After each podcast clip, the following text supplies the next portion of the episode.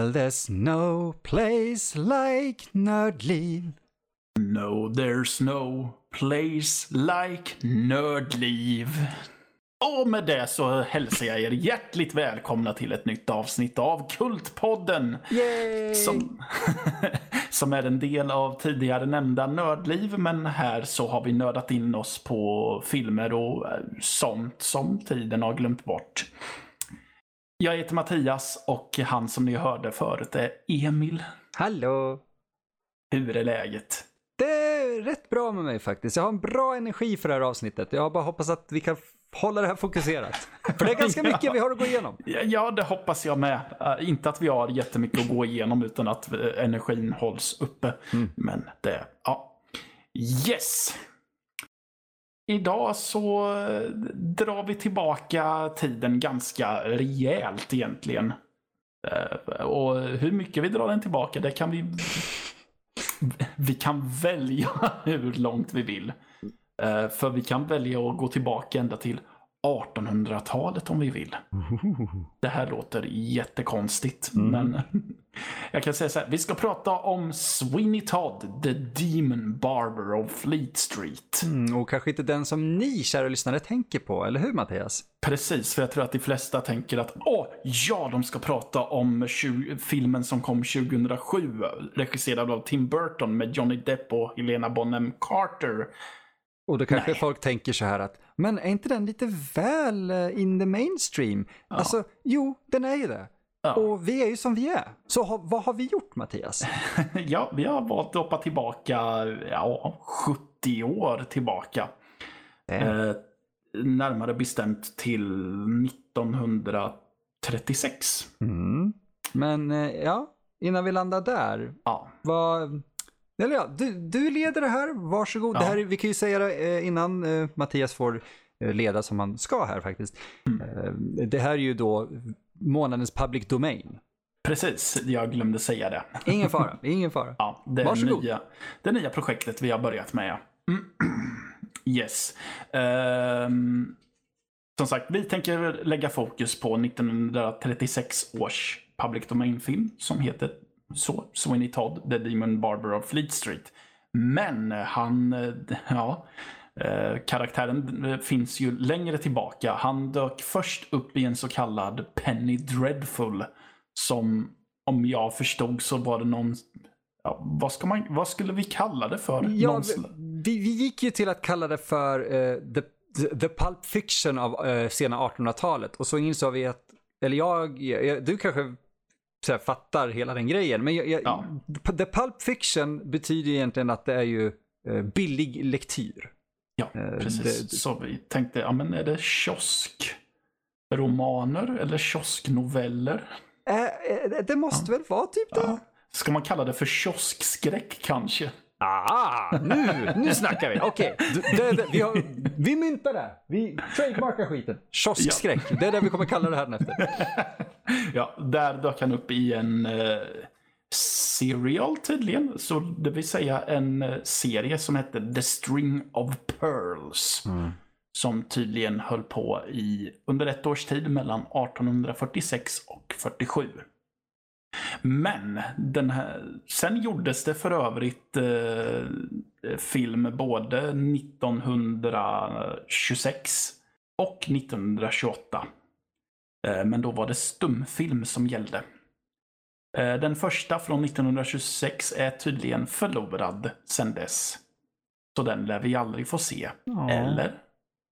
Ja, de, filmer hittas igen idag, så vi vet inte. Eh, Ja, precis. Alltså, det är ju många filmer som, de har, som är sagda att de är förlorade, men de har börjat hittas. Eh, nu senast var det väl en Orson Welles-film, va? Förra året. Ja, eh, The other side of the wind. Eh, det var ju, den, den släpptes förra året. Den har ju varit i, eh, under restaurering och produktion ganska länge. Men till, det var då den kom ut eh, Mm. till, eh, ja, mediokra, mediokert mottagande tyvärr. Ja, ja men precis. Och ja, då var det väl inte riktigt rätt i att den har varit förlorad, men ja, ja. Eh, Det finns ju ofta en anledning till att, ja inte ofta, men det finns ibland en anledning till att saker och ting försvinner. Men det intressanta med en sån här typ av film är ju inte eh, hur bra filmen i sig är, utan lite mer att den var förlorad.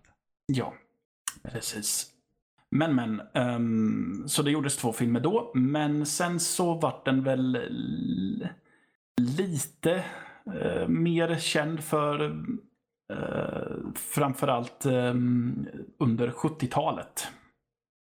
Uh, nu tappade jag bort mig här. Det, det är ingen fara, för ja. vi kan säga att det är väldigt, vi har typ, jag tror vi har tre, mellan tre och fem flikar var, alltså uppe, bara för att hålla koll på när saker och ting kom och vilka som gjorde mm. vad. Mm, precis, för eh, en snubbe som heter Hugh Wheeler skrev en bok om Sweeney Todd. Baserat på play, eller äh, pjäsen skrivet av Christopher Bond. Precis, och han skrev pjäsen äh, Baserad... 73. Precis.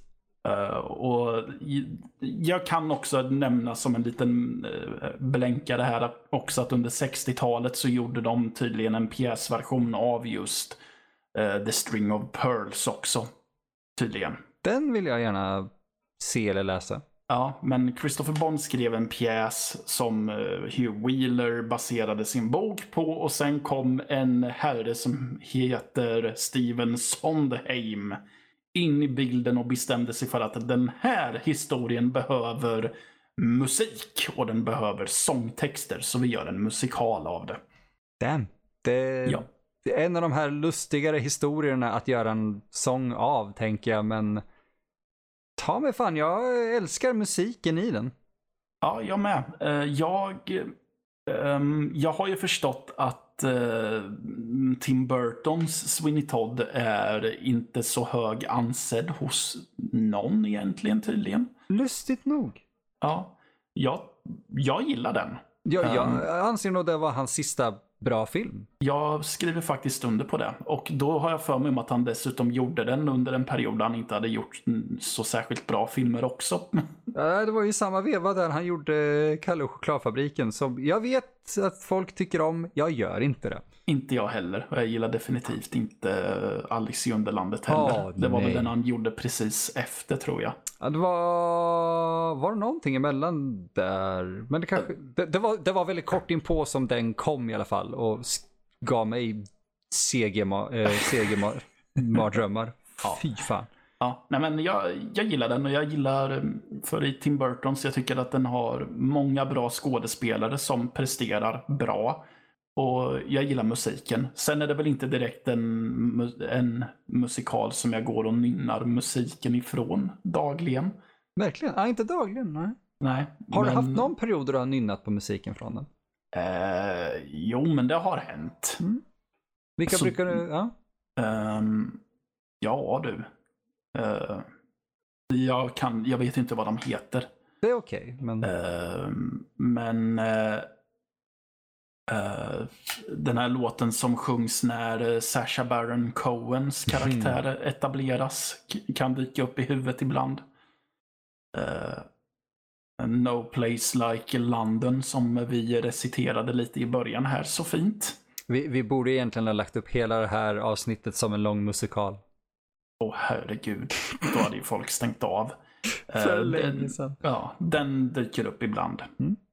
Och sen eh, låten där Sweeney Todd sjunger My Sweet Joanna. Ah, ja. Mm. Så okej, okay, jag ljög. Den dyker upp emellanåt tydligen. Ja, men visst gör mm. den det. För det är inte en sån här, det är inte som Jesus Christ Superstar. För, den, för mig dyker den upp, ta mig fan, en gång i veckan känns det som. Ja, men jag tror att det är lite skillnad också för det känns inte som att Sweeney Todd är skriven för att vara catchy direkt. Nej. På samma sätt för uh, Jesus Christ Superstar är ju basically en musikal med bara en jävla massa hits i stort sett. Åh oh, gud ja, den är ju mm. verkligen alltså fabricerad, på ett bra sätt, fabricerad ja. för att vara där den är. Ja. Sweeney Todd känns mer udda. Ja, Den är precis. inte trallvänlig alla gånger. Ja, men ja. Uh, där har vi Eh, så ja, sen 79 så är ju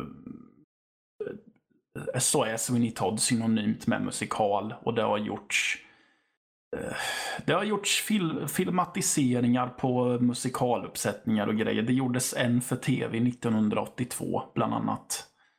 Um, ja. ja, det är lite intressant ändå, för den, Ja. det var tydligen tillräckligt bra för att faktiskt eh, ja, gå ett par gånger på tv och sen släppas på både VHS och DVD. Ja. Det är lite galet. ja, jag kan också nämna bara för en liten kul kuriosa grej att om man eh, är en som tycker om att titta på grejer på YouTube så det finns faktiskt en filmad eh, så finns en uppsättning från 79, alltså under dess premiärår, finns faktiskt filmad uppe på YouTube. Det är väldigt häftigt faktiskt. Ja, sen ska ni inte tänka er att en professionellt filmad, redigerad historia, utan det är ju någon som har tydligen satt upp en kamera och filmat hela skiten bara. Du, det var så vi fick ta del av Evil Dead the Musical, så jag är tacksam. Ja, jo, precis, men det betyder ju att det där är ju 79. Ja, Det var en rik jävel. Det måste det ha varit. Mm. Och det enda jag tänkt på, jag undrar hur mycket den kameran väsnades, men ja, ja. Åh gud. Ingen far- Ni kan sjunga. Oj. Ska det här Ja. ljudet verkligen... ja. Så bilden är ju inte superbra, men, men det är kul att det finns i alla fall. Ja, det, vi kan ju då tillägga faktiskt att det finns eh, samma år där. Den uppsättningen, eh, det, det visste jag faktiskt inte att det fanns på, eh, inspelad på video, vilket är asballt. Ja, video 1979, jag vet, jag känner mig förvirrad nu. Men det är förmodligen film, eller video menar jag, förlåt mig. Uh, men den finns också preserverad faktiskt, uh, bara själva ljudinspelningen. Uh, den valdes till National Recording Registry, eller den valdes av dem for preservation i 2013. Så det finns alltså en, vad jag antar då är en helt okej version av den inspelad i ljudform, eh, sparad, alltså preserverad. Mm. Det är, det är coolt, jag gillar sånt. Yes. Eh, Men, men, som sagt, vi, vi skulle prata om 36-filmen. Jo men Mattias, vi, Ja. nu, nu lägger vi korten på bordet här. Ja, Eh, vi kommer självklart prata om den filmen. Ja. Men hur mycket har vi egentligen att säga om den? När historien om den och allting Ja. omkring är intressantare. Jo, det, förvisso så är det ju faktiskt så. Eh, och det var ett tag sedan vi såg den. Kan vi ju också lika gärna vara öppna med att säga nu också. Ja, eh, Eh, Ja, vi, kan- vi kan ju säga det faktiskt att vi hade en svensk uppsättning av den eh, uppe i Stockholm för ett par år sedan. Jag kan inte säga när det var riktigt, eh, 16 kanske. Med Peter Jöback i huvudrollen. Tyvärr såg jag aldrig den. ja Men jag var väldigt... hade, eh, det hade varit intressant. ja, ja, eller hur? Ja. Känns inte som den mest vanliga musikalen att sätta upp i Sverige. Jag tror det är därför vi inte fick se den mer. Eh, för den verkar inte ha, den, den, den fick inte jättedåliga betyg vad jag minns, men den verkar inte ha gått tillräckligt bra. Du vet, su, eh, vet han, Ola Salos översättning och uppsättning av Jesus Christ Superstar turnerade ju. Eh, Ja. Sweeney Todd hade sin säsong och sen försvann den. Ja, ja, alltså, nu är ju inte jag en musikalkille alls, men jag vill vara lite fördomsfull och tänka att jag tror inte att Sweeney Todd är så högt ansedd bland musikalmänniskor. Det är därför den passar perfekt in här. Ja, Jag, jag, jag tror inte den är där faktiskt. nej. Eh, för att folk blir gjorda till paj. Ja, jo. Eh. Ba, bara den meningen. Okej, vi har ju så här gamla operor och det är så här, nu, nu, nu ligger sonen med sin grekiska mor här och sen äter han upp henne. Och man bara, ja, ja, men det där är ju, det där är ju stil, det där är klass, jävlar Ja. mig. Skrevs på antiken och så kommer någon bara, jag har skrivit en historia om någon som skär halsen av folk och gör paj av dem. Bara, fy fan vad äckligt. ja, okej. Ja. Eh, Men förlåt mig Mattias. Ja, eh, Ja, nej men så jag kan mycket väl, så jag kan tänka mig att eh, det till och med var någon producent som hade tittat. Nu tänker jag att Peter Jöback var drivande i att få den uppsatt. jag Vilket han- hoppas det. Vilket han kanske inte var, men for the sake of argument så säger vi att han är det. Så, för jag vill ha bilden av att han kommer fram, säger att han vill sätta upp den här för att det är hans drömroll och så tittar en producent på honom och undrar, men vad fan vill du sätta upp den här för? Uh, jag, jag, kan ju säga det, för att jag, jag tror det är lite så. Det, det, är ett problem med den här, för att det är lite what the fuck. Men den sattes upp, ser jag nu. Mm. Det här är jätteintressant. Jag bor ju i Göteborg som de flesta vet tror jag. Ja, uh, ah, okej. Okay. Jag såg en uh, artikel som var från 2016. Uh, jag ber om ursäkt. Jag flyttade ju ner hit senare än så. Uh, men vi hade den faktiskt på Göteborgsoperan. Oh. 2007. säsongen mellan 2007 och 2008. Så blev det. vilket är intressant. Den ja. gick mellan 15 maj och 8 juni 2008. Intressant. Okej, okay. yes. Ja, förlåt mig. Men, men, men, men, men, men, men, men, men. Eh, nu ska vi ju som sagt, återigen, vi ska prata om filmen från 1936. Mm, Okej okay då. Ja. Um, jag kan väl nämna lite så här, okej, okay, vi, vi, gör så här, vi släpper inte riktigt uh, de andra filmatiseringarna än för musikalen och um, senare filmer har ju valt att ha den här lite eh, nästan greven av Monte Cristo-liknande bakgrundshistorien till det hela. Det vill säga att Sweeney Todd egentligen heter Benjamin Barker.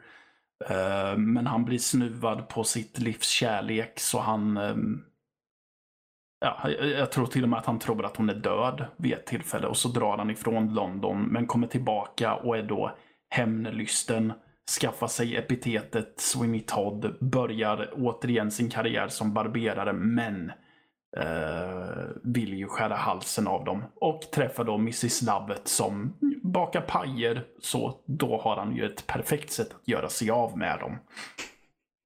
Mm. Lite mer dra dramatisk än originalet. Uh, ja, Eller precis. i alla fall filmatiseringen. Ja, för den här filmen, den uh, är ju som sagt gjord ett, vad blir det, 41 år, ja 40 år innan uh, musikalen kom till. Mm. Så de har ju i stort sett bara informationen från Penny, den här Penny, vad fan hette den nu igen? String of Pearls. String of Pearls. Ja. Och jag, som jag förstod så är inte Sweeney Todd ens huvudpersonen i den, utan han är typ skurken bara. Ja, han är huvudantagonisten. Ja. Uh, men det är ju ändå lite så här, huvudantagonist betyder att det förmodligen finns andra. Ja, men precis. Eh, så de har ju inte så mycket att bygga på. Så här, ja. Eh, filmen börjar ju egentligen med att i nutid så är det en eh, man som går in till en barberare och ser att barberaren har en väldigt märklig tavla. Och då eh, börjar ju barberaren förklara att ja, men det, det är Sweeney Todd. Och sen, va? Vad är det för något? Ja, du har inte hört historien. Ja, men låt mig dra den för dig. Så allting är ju... Vi, vi slipper berätta röst, men vi får se då eh, filmen utspelar sig framför ögonen på oss under tiden barberaren förklarar. Här här besvärar de sig inte riktigt så mycket med att ge oss en bakgrundshistoria, utan vi kastas direkt in att okej, okay, han heter Sweeney Todd. Uh, spelad av en Todd Slaughter för övrigtvis. Det, det, det kanske är det absolut bästa med den filmen, helt ärligt. Hans jävla riktiga namn. Todd Slaughter, ja. Ja. för det låter som en eh, serietidningskaraktär, typ. Han låter som en karaktär som borde dykt upp i en Penny Dreadful. Hejo! Precis. Uh, han, ja, det, det, det, är någon kärlekshistoria som jag inte riktigt kommer ihåg hur det ligger till. Jag tror att det är någon rik snubbe på ett gods det... som vill gifta bort sin dotter till honom. Nej, tvärtom. Uh, ja. Todd vill gifta sig med hans uh, lite för unga dotter och den här mannen har ett fraktbolag. Ja. Och han, Todd köper in sig i bolaget. Så han får någon så här leverage, eller man ska säga någon hållhake på eh, hennes far. Så han tvingas nästan till att så här, ja men nu måste du ju ändå låta mig gifta mig med din dotter. Ja, Okej, okay. du kommer ihåg mer om det än vad jag gjorde. Typ, det var för att du förklarade för mig, för jag satt där och bara ursäkta. Oj, okej, okay. då är det jag som har glömt bort grejer alltså. Det, det är ja. helt okej, för att mm. det, det, är en film från 36. Det är inte det, det tydligaste förklarade grejerna alla gånger. Nej, så är det. Um, och här de behåller även att han får en assistent i form av en liten kille som heter Tobias. Eh, men sen... Här behåller de, de behåller ju inte... Här är det ju inte några köttpajer direkt. Eller jo, det är köttpajer med, men det är inte direkt...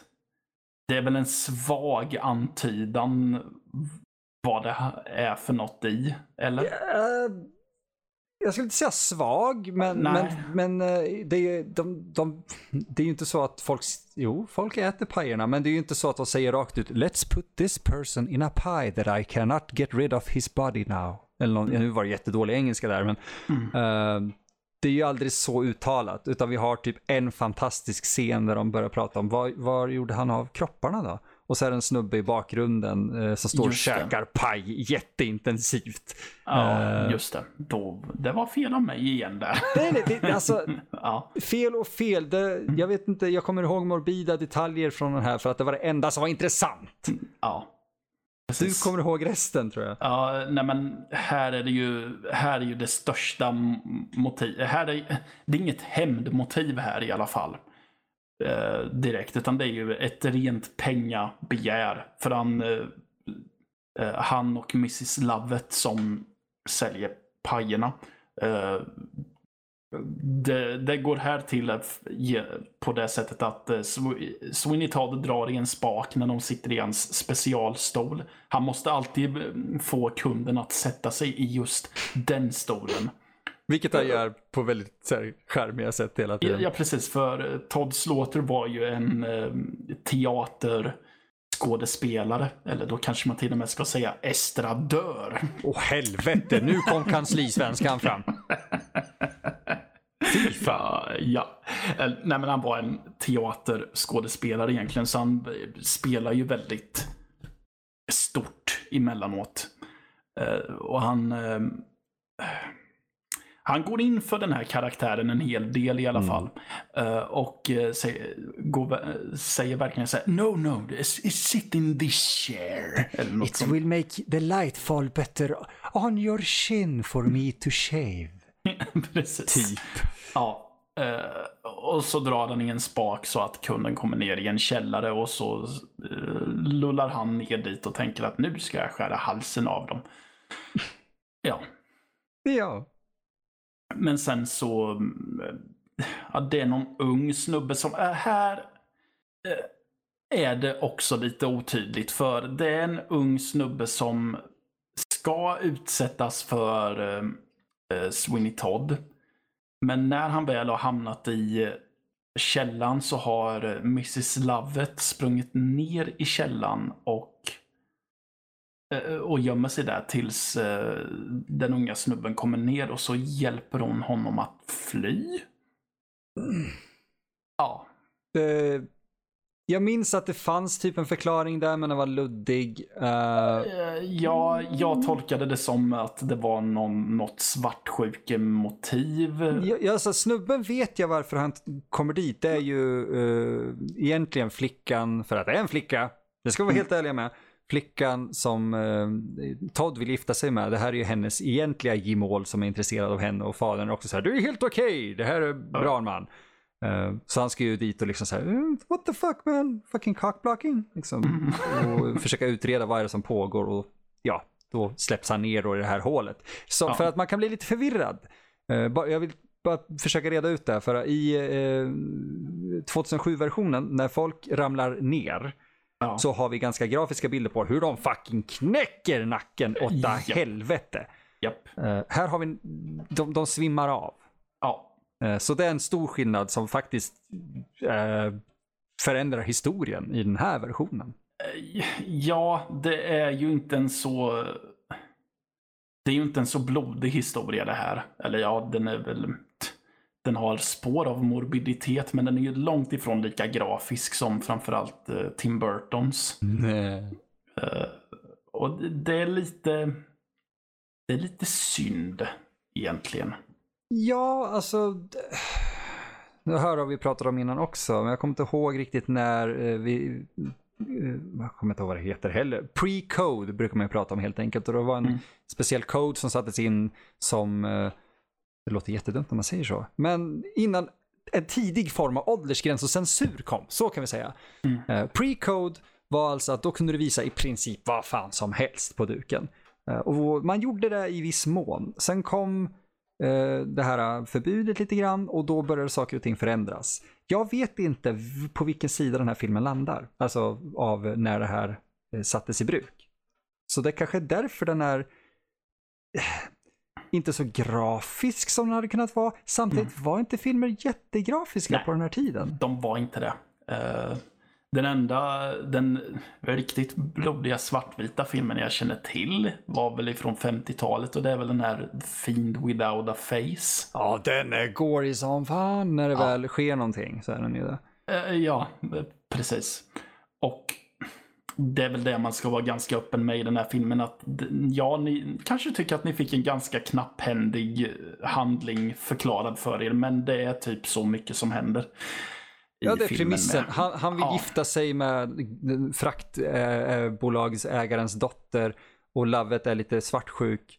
Mm. Och hon komplottar tillsammans med flickans gemål om hur de ska Mm. sätta dit honom. För, ja, just det. För, Och pengar. eh, Ja, för Sweeney Todd i den här filmen i alla fall, han verkar specialisera sig på att försöka få sjömän framförallt att komma och raka sig hos honom. För att eh,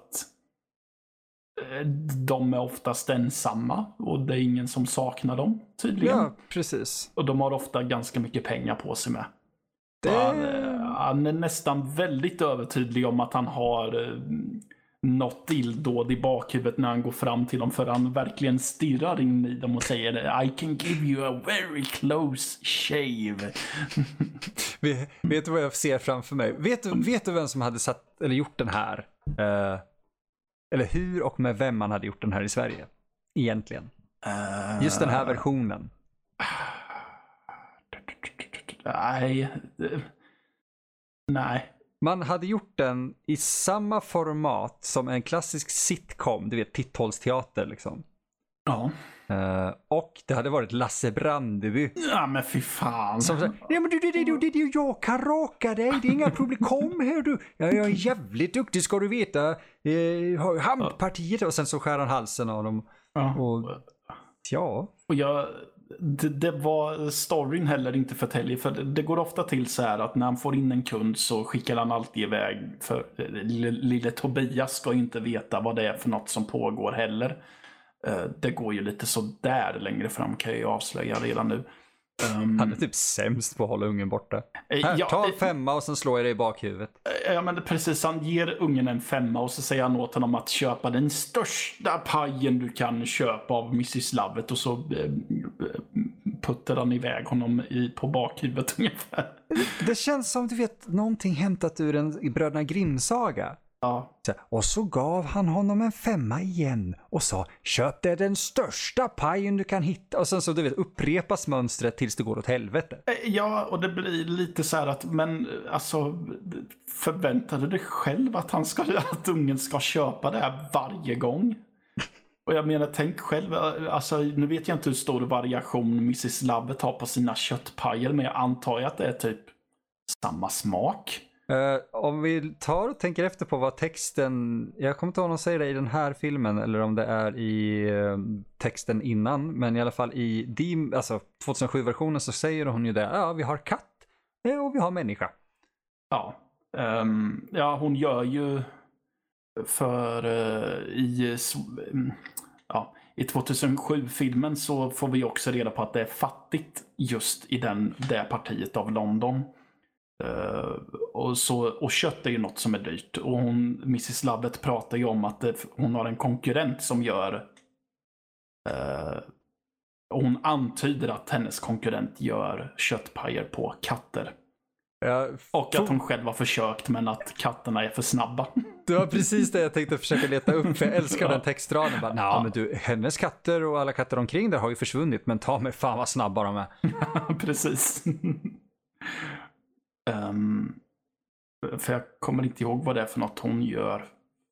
Vad hon gör.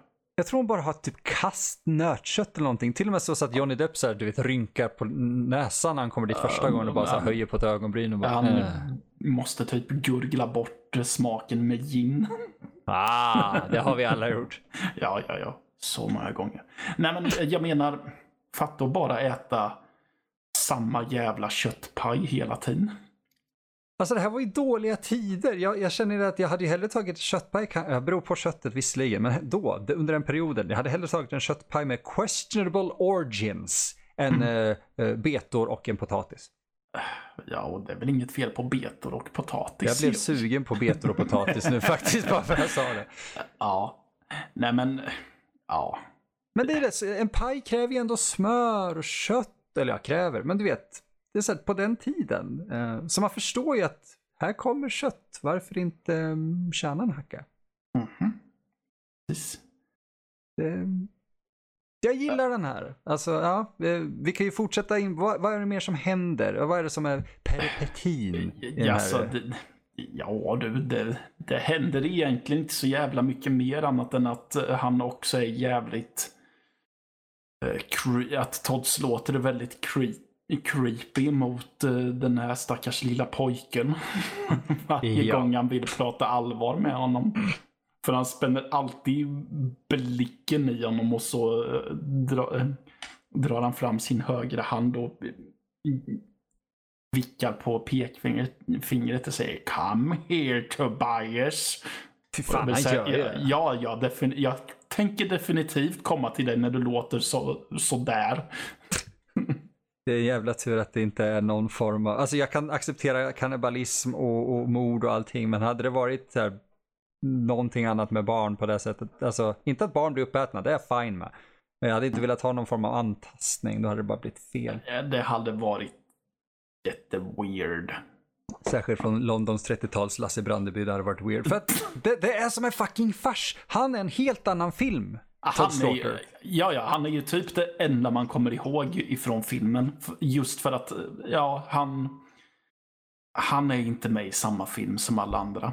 Nej, nej, han har typ dragit fem linor innan han gick in. Ja, Han är helt fantastisk. Ja, precis. Han, han gjorde ju lite andra filmer. För jag fick ju först reda på honom via en eh, gammal, eller gammal och gammal, det är ju tråkigt att säga, men via en 80-talsfilm som heter eh, Doom Asylum. Joho! Som bland annat är en eh, tidig film med eh, en av tjejerna i eh, Sex and the City. Inte Sarah Jessica Parker och inte Samantha och inte den rödhåriga utan den fjärde som jag inte kommer ihåg namnet på. Ja, du kommer ihåg mer än vad jag gjorde av Sex and the City. Men jag Ja. tycker inte den är kassen då. Den är rätt bra den serien. Mm. Nej men eh, för mördaren i Doom Asylum sitter och tittar på Todd Slaughter-filmer när han inte ja, när han inte jagar ehm, Kom igen nu, spotta ut det. när han inte jagar ungdomar så Ah. sitter han och tittar på Todd Slaughter-filmer. Och han, det verkar vara hans grej just det här att spela, att dra typ, som du sa, fem linor innan han Innan han går upp på en farsscen som redan där är så här överspelad. Ja, precis. För allting man ser är typ eh, hans jätteöverdrivna mm, eh, vad säger man, eh, monologer. Typ.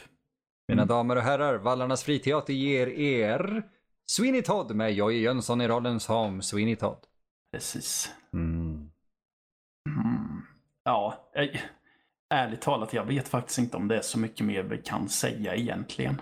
Nej, vi kan ju säga det att vi har, eh, alltså det finns en fantastisk scen till, så då får vi ge den. Ja, och Ehm, vilken är det? Det är när eh, gemålen till den unga bruden eh, kommer i förklädnad, en kass förklädnad, men dock en förklädnad tillbaka till eh, Todd med en kum, kumpan, kumpanjan höll jag på att säga, kompanjon eller kumpan.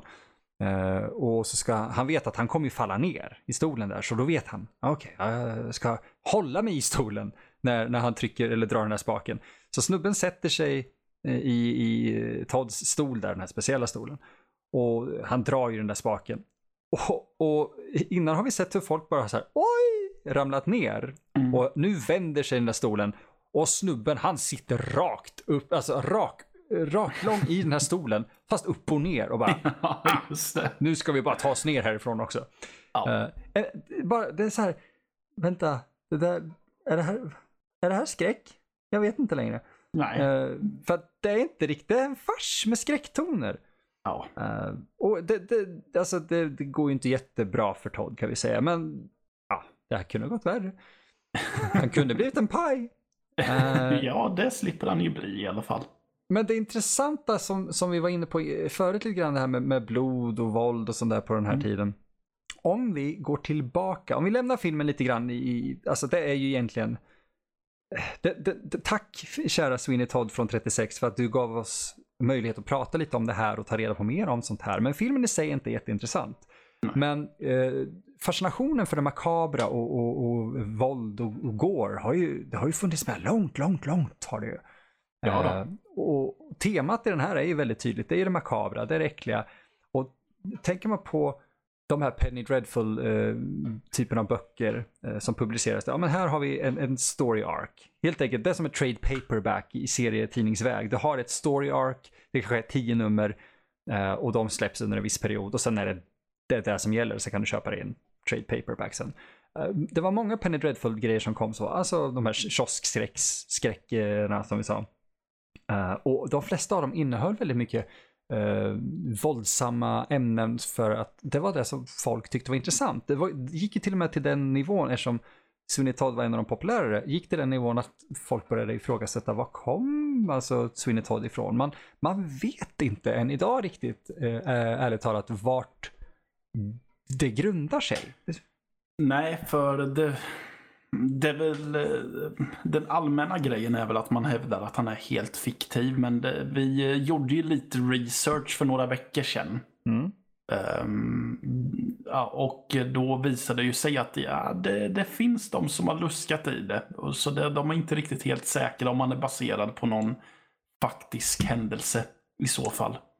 Nej, jag, jag tror ju att det finns, eh, som, som med allting, eh, det finns, du vet, alltid en gnutta sanning i saker Ja. och ting. Jag, jag har en teori att det möjligen kanske är eh, baserat på ett rykte som var om en barberare kanske. Oh, berätta. N- Nej, alltså det, det, jag plockade det bara ur röven. Jag visste jag, jag har inte något specifikt att peka Okej. på. Nej, jag bara tänkte att det låter som typ att ja, men det fanns säkert en barberare som folk tyckte var otäcka och sen så spreds ett rykte av att ja, slår vad om att han skär halsen av sina kunder. Och, och ja, du vet hon som gör paj vägg i vägg. Hon gör det säkert på köttet av hans eh, offer. Vet, vet du, jag tror inte alls det där är långt ifrån sanningen. Ja, Eh, vi, vi snackar om du vet, sensationsgrejer under den här perioden. Eh, som sagt, folk var fascinerade av Gore och det makabra. Och om en billig kioskroman, eller ja, kioskskräck, förlåt mig, kunde få eh, folk att, att du vet, fascineras ännu mer av det här och köpa ännu mer, så är det klart man skrev om det. Det här var ju inte den enda som innehöll mycket sånt. Det här var ju alltså en, en genre i sig. Som splatterfilm var på 80-talet så var ju den här typen av Penny Dreadfuls uh, populärt i slutet av 1800-talet. Mm. Det, det är så fascinerande tycker jag att, att se. Den här går faktiskt att köpa. Eh, kollade jag upp. Jag vet inte riktigt. Ni som gillar e- e-böcker kunde köpa den på Bokus tror jag. Eh, eh, versionen av Sweeney, den heter då Sweeney Todd och inte The String of Pearls. Så, ah, Domestic Romance. Mm. Eh, Eh, Jag är ju nästan mer intresserad av att eh, läsa String of Pearls. Ja, det, det är alltså den som de har gjort fast du vet under namnet Sweeney Todd. De har bara... Jaha. Så den har Mm. släppts idag. Den, den finns faktiskt att köpa på Amazon ser jag. Jaha. Och Det blir nog ett inköp ögonen böj i så fall. Ja, du, jag kan skicka dig en länk till och med till en som kostar eh, en cent. Oj. Mm. Oj. Paperback dessutom, så då är en Ja. perfekt version. Ja. Nu fick jag för mig om att eh, titta in på regissören George Kings CV och jävlar vad film han gjorde. Är det någonting du ser som sticker ut som är värdigt att prata om? Nej, inte direkt. Ah. Ja, jag tror att allt är, är typ public domain mög förmodligen eller något sånt. Ehm, han, han har fe- 56 credits Och det är bara mellan 1930 och 49. Ha, vänta. Va? Japp. Jag vill säga två saker. Det ena är, han känns som en porrproducent.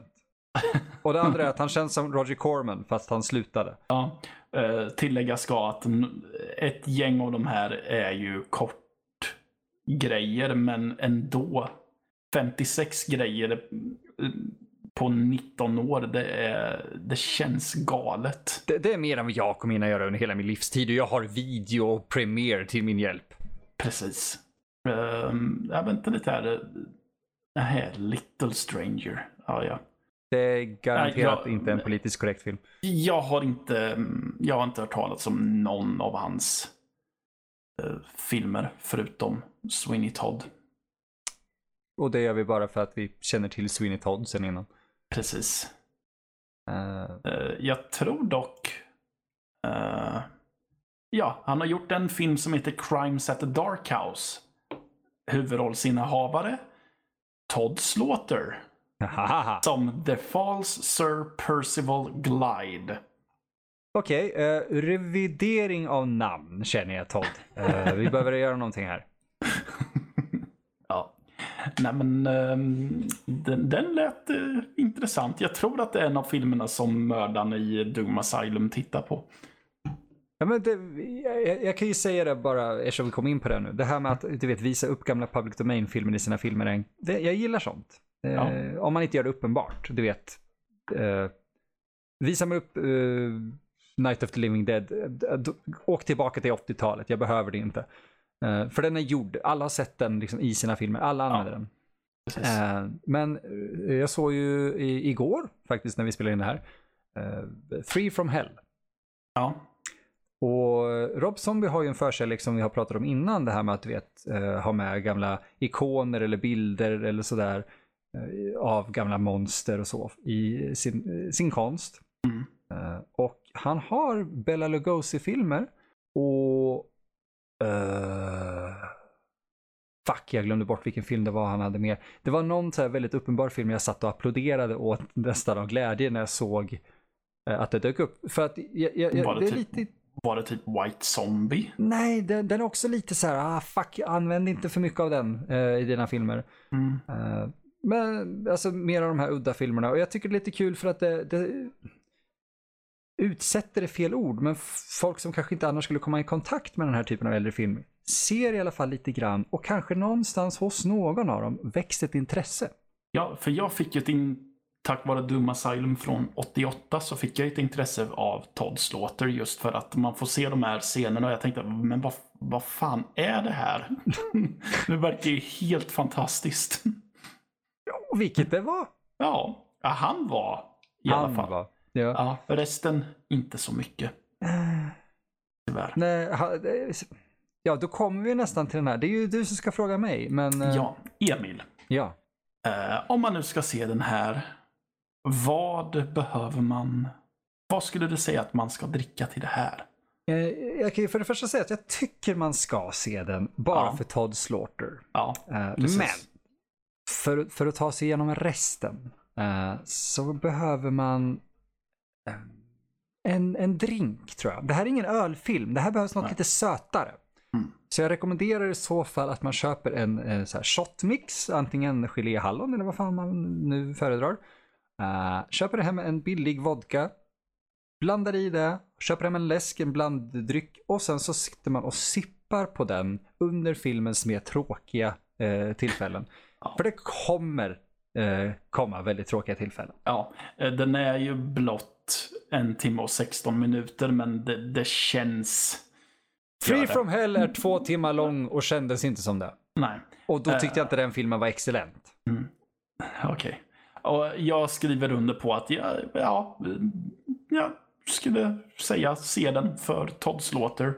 Men eh, och resten så, ja. Valfri typ av vodka-drink, tänker jag. Mm. Det borde det kunna göra susen. Ja, det, om vi nu ska prata drinkar. En öl, det är ju mer den här, jag vill sitta och sulta på någonting hela tiden och grunda mig mer. Det här är mer, jag behöver socker och energi, så du behöver något sötare. Eh, Ja. Todd, Todd passar bra till en vodka-drink. Ja, det skulle jag säga. Men det Ja. finns ju, jag måste ju fråga då eh, här nu Mattias bara för att det här är eh, kul. Det finns två skådespelare här som har fantastiska namn och du får välja vem av dem som har coolast namn. Förutom Todd Slaughter, eller? Nej, nej, Todd Slaughter och en annan. Jaha. Mm. Eh, Todd Slaughter Mm. eller Texas Battle. Texas Battle. Ja. Vem har coolast namn? Då skulle jag nog nästan säga Texas Battle. Eller hur? Todd Slaughter är bra, men Texas Battle? Ja, Ah, det slår en rakt i lymfan. alltså på riktigt. Ja, Var det en av skådespelarna? inte i Sweeney Todd, men eh, av, han är aktiv idag, eh, Texas Tex- Battle. Texas Battle. Ja, han är känd från Wrong Turn 2. Jaha, Mm. okej. Det är också en film som jag vet att många tycker är kass, men jag tycker att det är den bästa i den filmserien. Ja, tycker man den är kass så tycker man inte om någon av de andra i den serien, ta mig fan. Nej, och jag tycker att tvåan är bättre än ettan så. Tvåan är den absolut bästa i den serien. Den har kul med konceptet. Precis. Yes, men det tar jag som ett tecken på att nu lägger vi eh, Sweeney Todd bakom oss. Ja, det fanns Ja. ju så mycket roligt att prata om. Eh, Jaha.